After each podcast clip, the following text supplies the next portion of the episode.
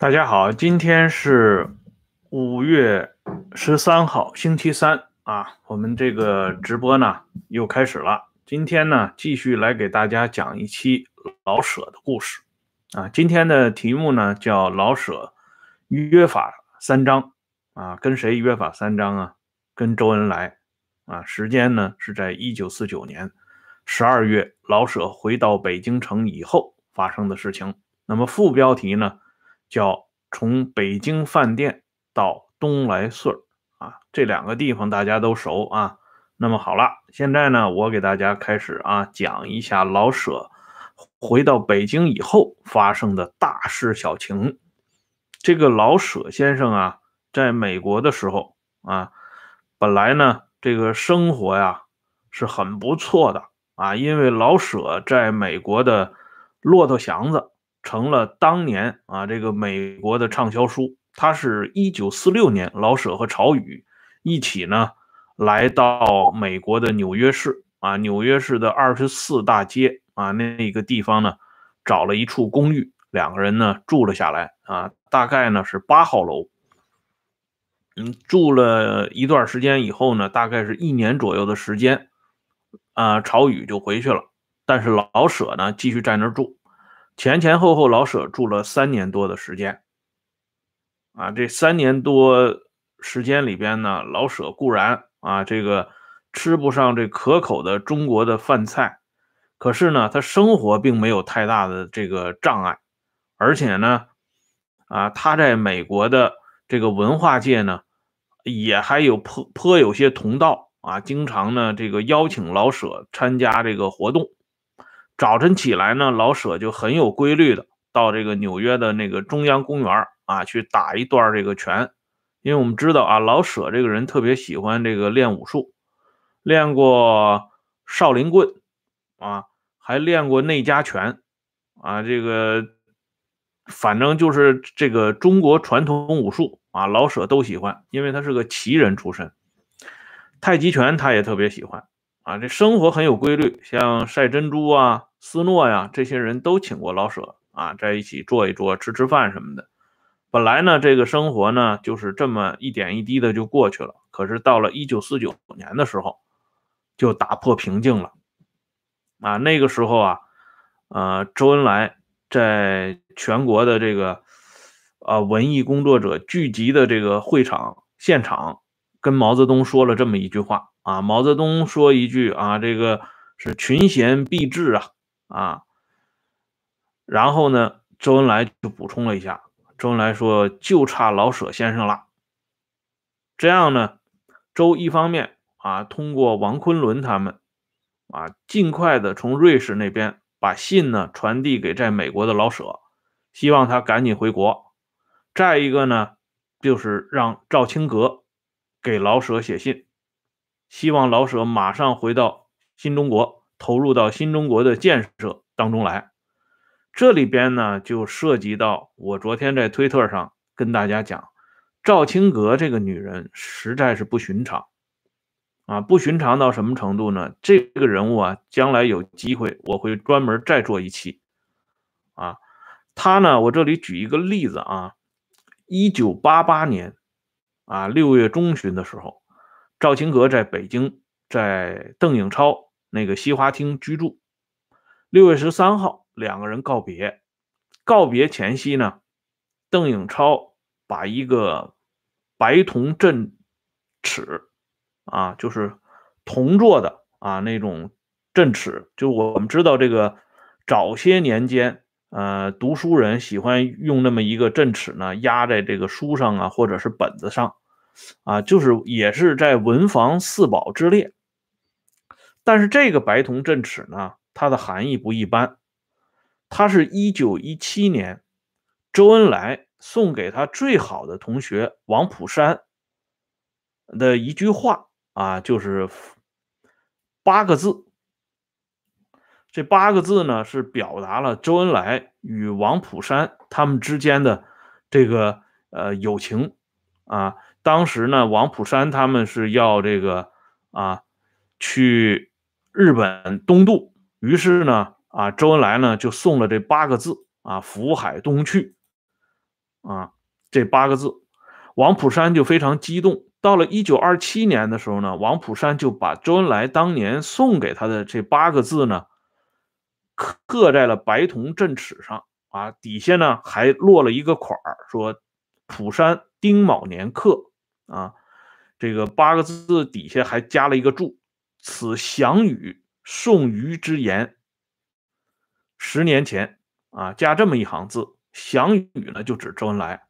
这王普山和周恩来之间的关系呢，后来有学者还专门做过一番考证啊，这个关系非常深厚啊，带引号的非常深厚。所以这个镇尺呢，是作为周恩来遗物当中最宝贵的一个东西。后来邓颖超啊申请把这个镇尺复制了这么几个啊有限的几个，就在一九八八年六月十三号啊，周恩呃周恩来的遗孀。邓颖超送别赵青阁的时候，他把这个复制的白铜镇尺镇尺啊，送给了这个赵青阁，作为一个念想。而且呢，这一天送别的时候啊，邓颖超居然没有从屋子里出来送这个赵青阁。而且呢，这两个老太太最后说了这么一句话啊，赵青阁呢握着邓颖超的手说。如果他不死，一定再来北京看望大姐。邓颖超呢？你知道，大家都知道啊。这人到老年，尤其这这些身居高位的人啊，他们特别忌讳这个死啊、这个病啊什么的这些字眼儿。但是呢，邓颖超没非但没有忌讳，反而接着赵青阁的这这句话啊，又自己说了一句啊。邓颖超说：“如果他不死。”一定在北京，在西花厅接待赵青阁，两个人是挥泪而别啊。所以赵青阁在当天的啊日记里边就写说，邓颖超之所以没有出到房间外来送别赵青阁，就是说邓颖超自己也有一种不祥的预感，就是这一次两个人的见面可能是永远的分别了，以后不会再有机会。见第二次了，所以邓颖超才会把这个白铜镇尺送给了赵青阁啊，真的是这样。两个人后来啊，就是鸿雁传书啊，传递了花篮、蛋糕、录音带啊、书信，但是呢，邓颖超再也没跟赵青阁见过面。在邓颖超患病的一九九二年的时候，邓颖超在病中叮嘱自己的秘书赵伟。啊，这是邓颖超最亲信的人了。后来担任全国政协副秘书长的赵伟，他告诉赵伟，千万不要把他的事情、把他的病情跟赵青阁说，这样呢，赵青阁一定会啊拼了老命的从上海跑到北京来看他，啊，这样呢也可能让赵青阁就回不去了。所以后来呢，邓颖超去世以后，啊，早晨刚走。赵伟的电话就打进了这个赵青阁的家里，告诉赵青阁老太太人已经过去了。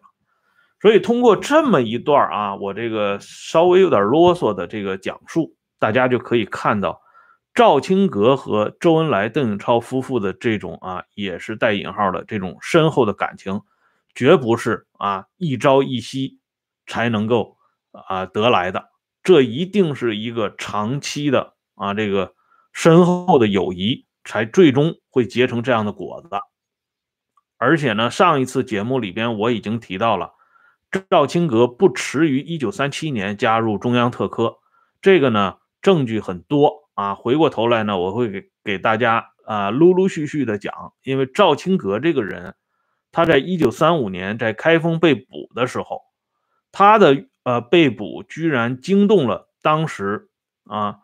国民政府军事委员会委员长、开封行营主任兼河南省政府主席刘峙上将啊，我们知道刘峙在蒋介石的八大金刚里边是一个什么样的地位啊？刘峙呢，这个直接啊带人审讯赵青阁啊，中间都没不需要这些这个审判官和法官，刘峙自己带着人去审的赵青阁。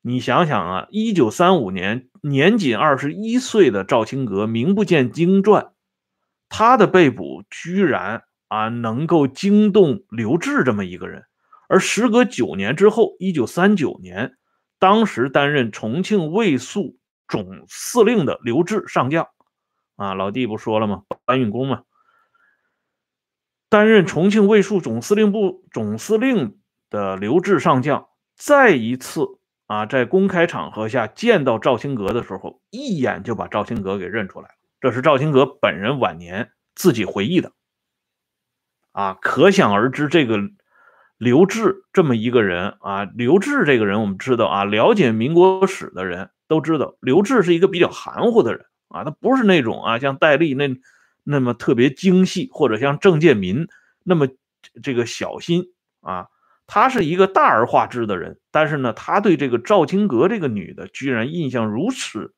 之深，可见。这个女人的背景是不同寻常的，啊，好了，这样呢，周恩来就让赵青阁给老舍写信，嗯，这信呢发出去以后，老舍啊戎装就到啊，谢谢老弟啊，回国了。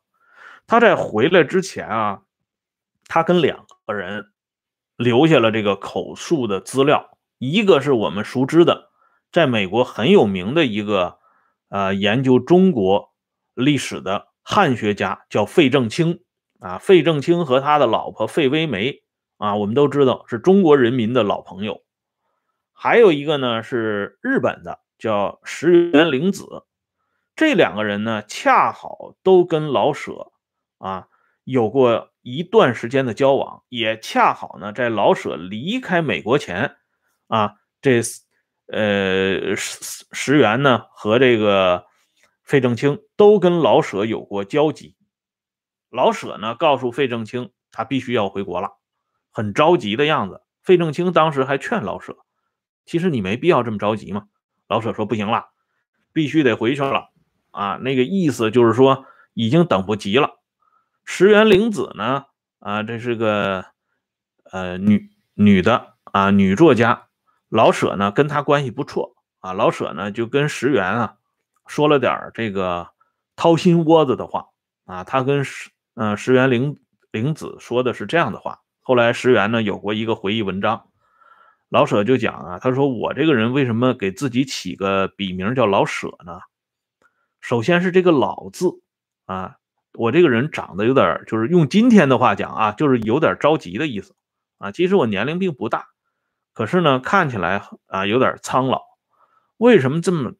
呃，看起来苍老呢，就是因为我这个人经常是优柔寡断，什么事情呢都是议而不决啊，所以呢拖拖拉拉，这辈子呢过了五十，已经过年过半百了，但是呢没啥建树，所以这一次呢不能再拖下去了，他一定要赶紧回去。可见呢这个时候老舍啊是在一个啊很大的这个啊外力作用下。啊，推动他赶了回去，但是我上一集节目里边也说到了，老舍的本心也是要回去的。赵青阁的这封信是起了一个催化剂的作用。啊，老舍这个人啊，咱们说啊，他是一个非常有才华的人啊。老舍的同班同学啊，当年大家在一起读书的同学叫高玉年。高玉年晚年啊，对他的侄子高增良。有过一个回忆，他说当时啊，他们跟老舍在一起读书的时候，老师给他们出个题目，这个作文的题目呢叫说纸鸢，纸鸢就是风筝，你们可以出去放风筝，这孩子们都喜欢放风筝啊，但是呢，你们要有一篇作文，这高玉良呢啊，高玉年呢，他就。哎，就憋不出来这篇文章，因为我们知道这个早些年间做文章，首先讲的是破题，啊，就是一下子要点到题儿，把这个事情说出来。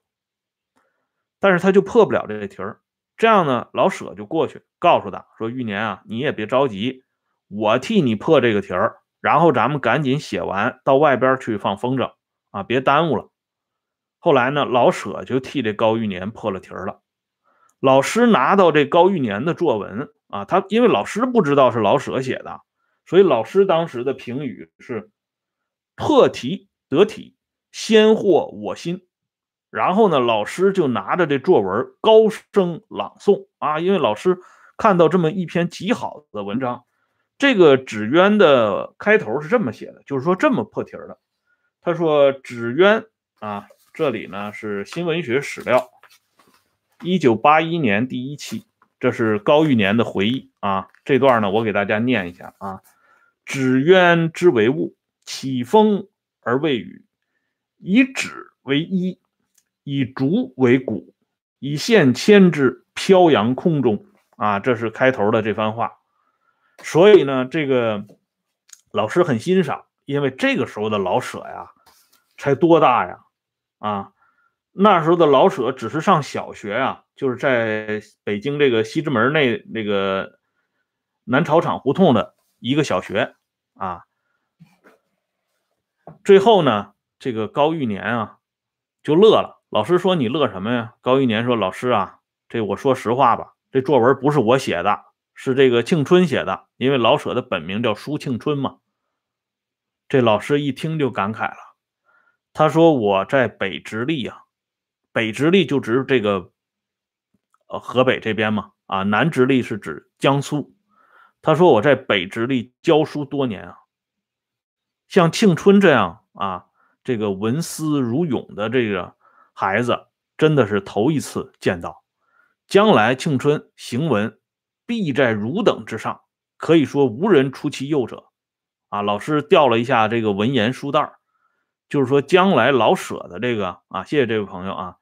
他的文章可能要独步海内，哎，这老师的这个期许和这个判断很准确啊。老舍的这个小说最后到底是，在这个中国文坛或者说在世界文坛都占有一席之地。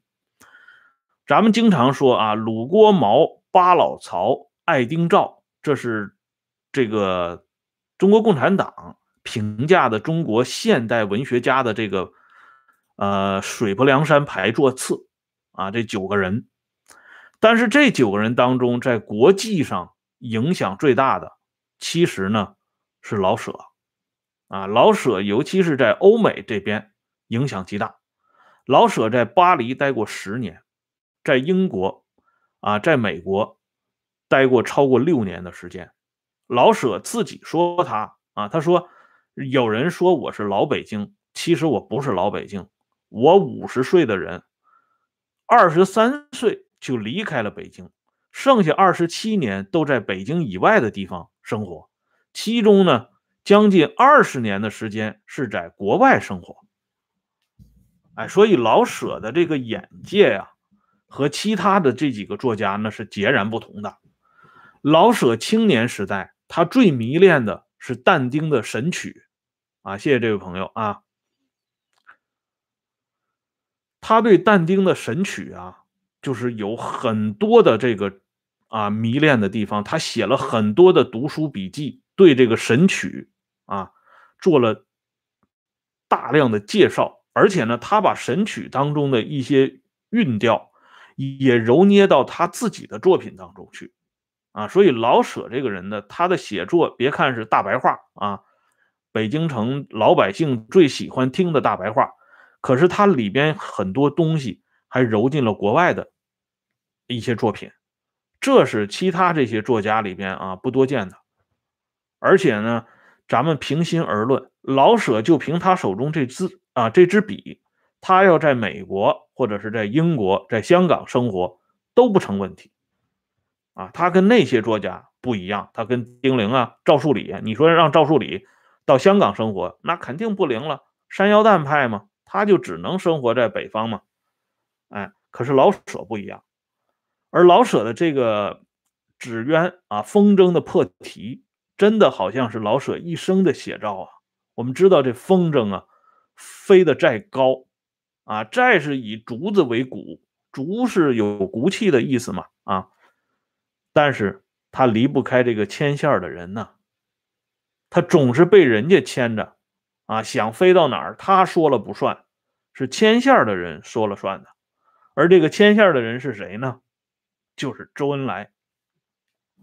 啊，周恩来当然不是孤立的存在，他是代表了一个组织，代表了一个体制，甚至呢，代表了一个文化。老舍呀，回到北京以后，周恩来对他是极尽关照之能事啊。这里呢，我给大家举一个例子，为什么说从北京饭店到东来顺呢？当时接待党外人士有两个地方啊，那是有规格的，头等地方就是北京饭店啊。要是党组织把你安排住进了北京饭店，那说明你是贵宾。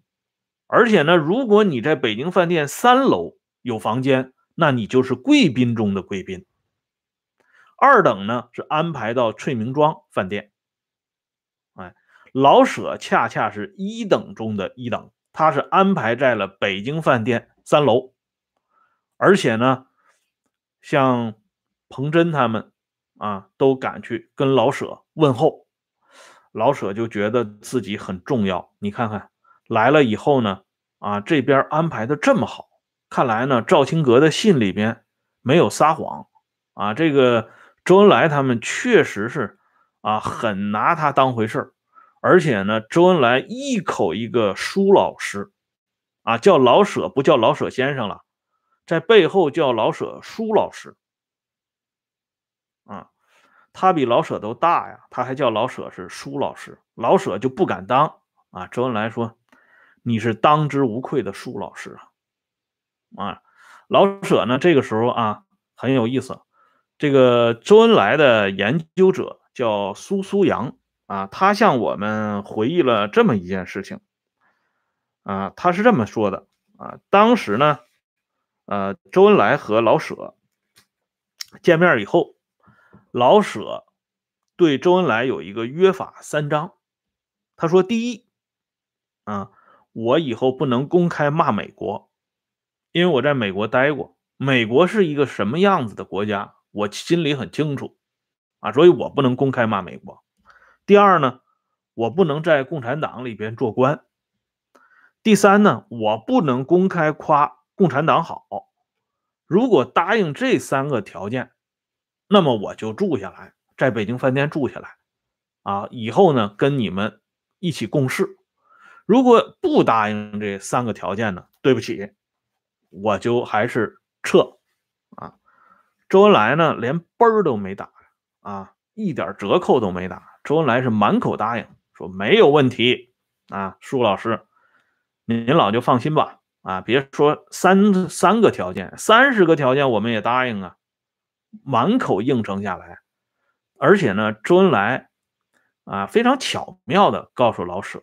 啊，说这个，你不是给共产党当官啊，包括我周恩来，我也不是给共产党当官我们都是人民的啊仆从啊，原话叫仆从，不叫仆人，我们都是人民的仆从，我们是给人民服务的，就是服务员啊，我是服务员，你也是服务员。所以这个东西跟以前的那种啊当官是不是一个概念的？今天你住在北京饭店，这不是我周恩来给你的，这是广大人民群众给予你的，大家认同你舒老师的这个地位，所以人民就要给予你这样的荣誉。啊，老舍听完以后心情非常好啊，但是老舍不知道啊。他呢，已经不知不觉的掉到了一个非常大的坑里，而这个坑呢，早在二十一年前，啊，当周恩来去莫斯科，啊，二十多年前吧，不能说二十一年前，二十多年前，当周恩来去莫斯科去见斯大林的时候，斯大林耳提面命的对周恩来说过这样一番话，啊，我给大家说一下这个原话。啊，周恩来说，啊，周恩来后来啊转述过斯大林的这番话。斯大林呢是这么讲的，他说很多的知识分子是最没有主见的，他们通常也只能看到眼前的一点利益，只要满足了他们的这一点诉求，他们就会像狗一样被你牵着走的，即便你不牵着他，他也会乖乖的跟着你。啊，这是斯大林说的话。而一段时间以后，就是在一九二八年的时候，当时是苏联著名的啊大文豪托尔斯泰诞辰一百周年，但是呢，联共中央对托尔斯泰却没有什么太大的动静啊，只不过简单纪念了一下，而是大张旗鼓的呢。纪念另外一位啊，布尔什维克的啊，要注定打上布尔什维克印记的现代大文豪高尔基从事文学创作三十五周年。咱们知道啊，中国人的习惯逢十才是大庆，逢五一般就是那么回事儿吧。但是呢，斯大林专门做了一个非常重要的批示，这个批示的原文呢。我认为也非常有必要的给大家念一下，从而看到啊，这个斯大林和周恩来他们对于知识分子是如何安排的啊。斯大林是这么讲的啊，原话叫：“高尔基虚荣心强，我们应当用粗绳索把他拴在党的身上，我们要用荣誉把他拴住，让他高兴，让他知道，如果不听话。”就会失去很多东西。高尔基只要上了这个套，我们就要加以利用。这是斯大林说的原话啊。这是苏联后来解体之后，这个档案啊被破解，由中国的一个专门研究俄国知识分子这个心路历程的学者叫金燕啊，他呢转译过来的。所以呢，我就把金燕儿，呃，这个学者呢写的这个，呃，书里边转引斯大林的原话给大家念一下。哎，这是在一九二八年斯大林下的一个重要的指示。那么高尔基是一个什么样的人？他在党的心目中是一个什么样的人？大家一下子就能看出来了。而这个时间啊，我再说一遍，是在一九二八年呢。斯大林对自己最喜欢的学生周恩来的教诲呢，是在一九二八年之前啊。可以想见，一九二八年高尔基掉进了斯大林的坑里，被斯大林呢用绳索啊牢牢的拴住，以后真的成了斯大林身边的一条御用啊鹰犬了。当然，老爷子最后呢是有所察觉，不过他到底没有领袖厉害啊，因为在他察觉之前，领袖就已经派人把他给结果了。那么老舍是断然不会知道斯大林有这样一个精辟的指示，也断然不会知道斯大林对自己心爱的学生周恩来有过那么一番说教，所以他在一九四九年的时候又走上了高尔基当年走过的路，呱唧掉到坑里去了。啊，这个坑呢，其实从北京饭店三楼的时候就已经挖好了。啊，这样呢，咱们看一下这个老舍先生回国啊，已经是不知不觉的啊，当了人家手中的风筝，而他这个时候呢，不知道自己是风筝，他认为啊，海阔凭鱼跃，天高任鸟飞，这么一个大好清平的世界。啊，自己呢正好可以驰骋。他当时回到北京的时候，他说了这么一句话啊，他说：“北京啊，我终于还是回来了。这是我曾经啊曾经熟悉过的地方，我现在又回来了。”那个时候呢，给予老舍的荣誉非常之高。老舍呢担任过一个实质性的职务啊，你像中国文联副主席啊，中国作家协会副主席啊。北京市人民委员会委员，啊，政务院文教委员会委员，这都是虚职。他有一个实缺，就是北京市文联主席。这个北京市文联呢，今天啊，咱们这些朋友们，包括这些中年朋友们，可能都不清楚，一九四九年，或者是说上个世纪五十年代，北京市文联是一个什么样的概念啊？这里呢，咱们通俗点讲。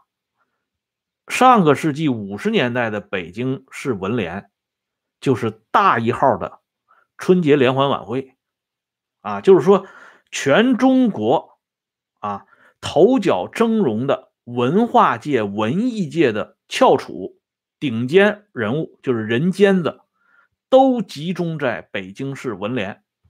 啊，这里呢，我给大家念一个名单：北京市文联的主席是老舍，那北京市文联的副主席是谁呢？第一个梅兰芳，啊，这就不用介绍了啊。第二个呢，李伯昭，啊，杨尚昆的老婆。